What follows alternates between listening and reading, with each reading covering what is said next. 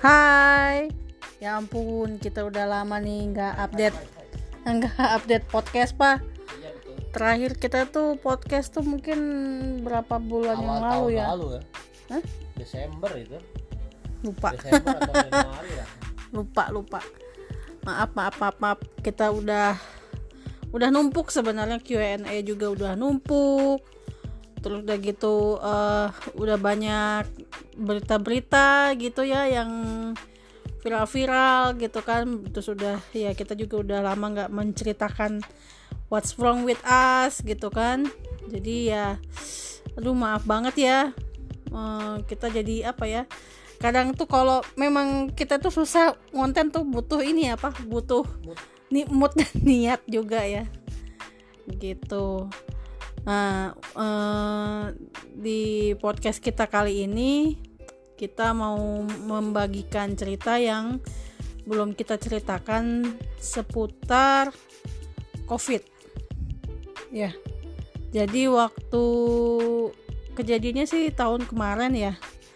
Jadi kita tahun kemarin itu sekitar bulan Desember ya. Desember ya kita itu kena covid dan gejala awalnya adalah kalau papa tuh eh, apa apa kalau papa tuh sakit nelen ya Awalnya tuh ini sih. Kita tuh mak- eh, makan malam ceritanya. Mm-mm, Makan sate kambing. mm-mm, Makan sate kambing. Pedes. mm-mm. Wah, pedes banget gitu kan. Memang itu tuh udah udah pengen pedes-pedes sih. Makan lah sate kambing pedes. Cep, cep, cep. Nah, kebenaran di di sate kambing itu ada ini, ada cabe ya kan? Mm-mm, cabenya. Cabenya itu ya udah saya makan lah cabenya itu. Mm. dimakan cabenya itu. Kebetulan batuk keselak. Batuk lah. Nah itu tuh awalnya tuh dari situ. Mm. wah oh wah oh batuk waduh. Batuk nih ah. Nggak apa-apa ini sehat biasa gitu kan dah nah habis itu dua hari kemudian makanlah nasi goreng padang. Mm. nasi goreng padang itu saya bilang pedas enggak sedang. Tahu sendiri nasi goreng padang sedang aja pedas Mm. gitu kan.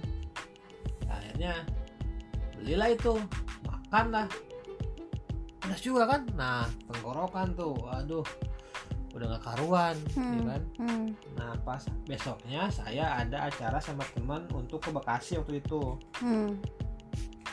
di mobil sih udah kerasa sih badan ini nggak enak sih Mm. aduh nggak enak badan tapi ya udah paksain aja gitu Mm-mm.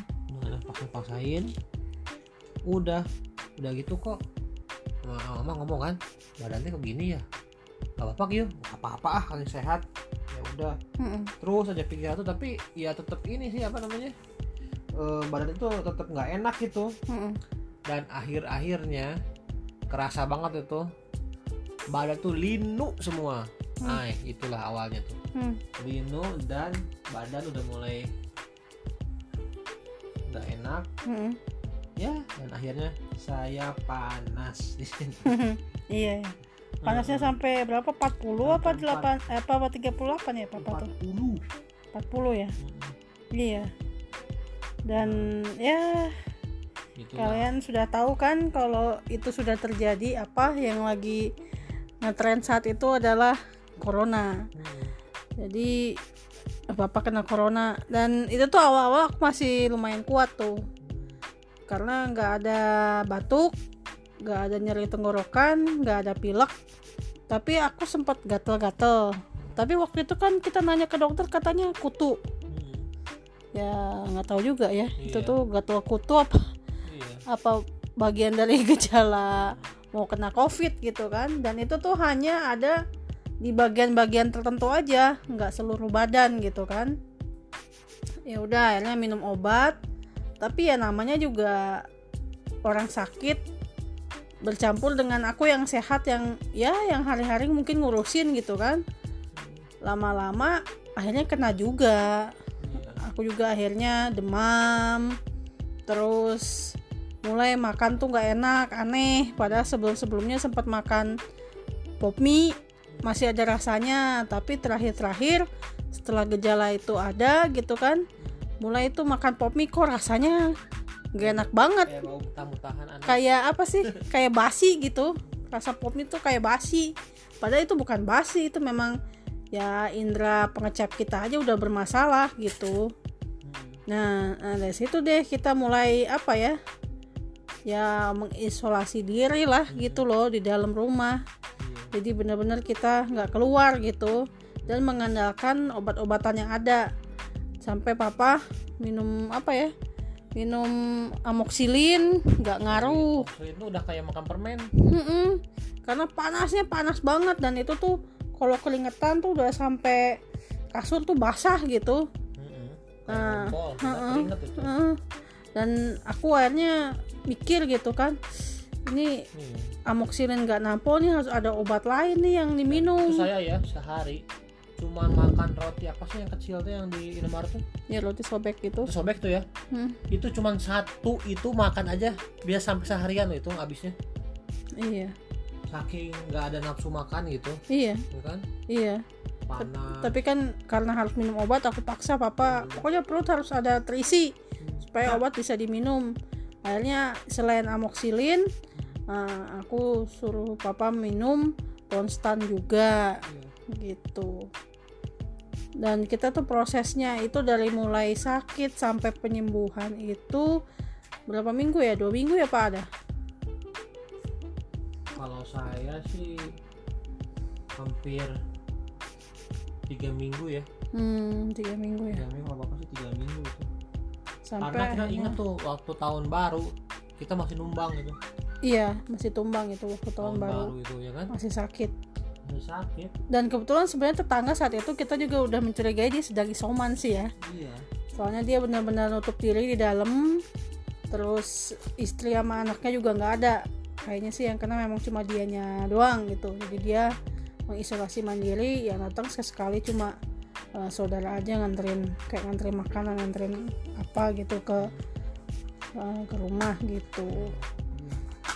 Dan kita sejauh ini sebenarnya taat akan prokes sih. Iya. Kita termasuk yang selalu keluar pakai masker kita juga eh, kalau disediakan tempat cuci tangan kita cuci tangan. Iya. Kita juga eh, selalu bawa eh, cairan disinfektan gitu kan. Antiseptik kita semprot-semprot kayak gitu. Tapi ya ya namanya juga mungkin kondisi tubuh kita lagi nggak sehat pada saat itu jadi mudah tertular kayak gitu-gitu. Karena kan katanya eh, selain kondisi tubuh suasana kita tuh happy nggak happy itu sebenarnya berpengaruh juga dengan daya imun tubuh kita gitu. Jadi ya ya gitu. Sekarang kan sekarang lagi naik lagi nih covid. Nah sekarang eh, katanya malah disuruh pakai masker itu double katanya gitu. Jadi sekarang bukan hanya mengandalkan masker medis aja. Jadi masker medis itu di double dengan hmm, masker kain katanya gitu. Tapi kalau kalian hanya mau pakai satu masker aja tanpa di double beli yang eh, N95 atau KN95 nah itu kamu nggak perlu double lagi dengan eh, masker kain gitu katanya. Terus ya selain itu kan sekarang sedang digalakkan vaksin jadi diharapkan bagi yang bisa vaksin ya vaksin lah gitu. Bagi yang tidak bisa vaksin karena ada penyakit bawaan ya eh, ya kalian harus benar-benar jaga kondisi tubuh ya. Jangan sampai sakit. Terus kalau keluar itu kalau tidak ada hal yang urgent jangan keluar jangan jalan-jalan. Apalagi sekarang nggak sekarang sih nanti ya tanggal 3 Juli pemerintah akan menetapkan akan ada PPKM darurat untuk di Jakarta katanya sih WFH-nya 100% sece- kecuali eh, yang kamu kerja di eh, project terus kerja di mungkin sektor-sektor pasar, supermarket, terus eh, petrochemical gitu kalau nggak salah. Nah itu boleh gitu untuk kerja tapi aturannya yang masuk kantor tuh hanya 50% kayak gitu. Terus eh, mall juga tutup katanya. Again again mall bakal tutup. Yang mungkin buka hanya supermarketnya aja yang menjual sembako. Gitu. Ya kalau saya sih lihat ya kadang-kadang eh, covid ini memang akan selalu ada seterusnya hmm. jadi memang iya nggak hanya oke nanti covid akan hilang Enggak. namanya juga nggak akan sih covid itu akan selalu ada kayak misalnya AIDS AIDS itu kan Ebola itu kan selalu ada tergantung kitanya gitu Hmm. jadi kebiasaan kita berpakaian apa memakai ya prokes-prokes itu ya harus dibiasakan iya nanti ke depannya akan menjadi habit kita gitu loh apalagi kalau memang corona ini akan lama. Kita hidup dengan corona ini akan lama. Ya mau nggak mau ya kita harus membiasakan diri dengan eh, habit baru gitu loh. Eh satu lagi tuh jadi ketika kalian nanti sembuh dari ayah kena nih ya kan kalian tuh harus bertahan tuh bertahan dengan panasnya itu sebenarnya. Jadi kalau sebenarnya yang meninggal itu adalah orang yang punya penyakit bawaan. Hmm. Gitu. Tapi kalau yang nggak ada itu ya kan aku ada asma. Ya cuman ada penyakit bawaan. tapi itu nggak parah gitu jadi masih bisa bertahan gitu kan. Hmm. tapi kalau yang jantung asmanya asma parah gitu, pokoknya parah amat lah. Tapi kalau kena ya bukan kita ini gitu ya itu akan meninggalkan itu yang yang penyakit itunya yang akan kena tuh gitu. Oh Hmm. mah katanya sih katanya so ya biasa aja hilang kayak flu biasa. Cuman karena melemahkan gitu terus pas nanti sembuh itu kalian akan merasa laparnya minta ampun. Oh iya bener lapar banget loh. Hmm, pas sembuhnya itu ya. Hmm. terus keringet banyak banget itu. Hmm. keluar. Hmm. nih kan? Hmm. dan yang nggak bisa ketahan itu itulah lapar terus. Iya pengen Lapar. makan mulu. Hmm, sama keringat saya juga gitu sih. Berapa lama tuh kok lapar terus ya? Udah makan mm, indomie. Dua jam kemudian aduh warteg kok lapar lagi ya beli jajan terus aja gitu Hmm. itu selama mungkin kurang lebih dua minggu ya Hmm. perbaikan seperti itu terus lama kelamaan tuh yang keringet yang kuat terus tuh keringet itu Hmm. masa cuman diem gitu aja keringetan banyak gitu Hmm. sampai akhirnya itu ya bu- minggu ketiga tuh udah mulai tuh mungkin badan udah adaptasi keringatnya mulai berkurang laparnya juga nggak kayak lapar biasa gitu Hmm. nah itu sih jadi ya intinya itu eh ya prokes tetap sih di di apa ya namanya itu? Dijalankan. Dijalankan. Tapi kalau saya biasanya masker itu saya pakai tisu. Hmm. jadi kayak isi ulang. Udah berapa lama udah buang aja tisunya. Hmm. isi lagi gitu. Itu sih waktu saya di lapangan sih udah saya diterapkan tuh. Waktu masih kerja di Priuk itu masih saya terapkan pakai tisu. Hmm. karena apa? Masker saya itu kalau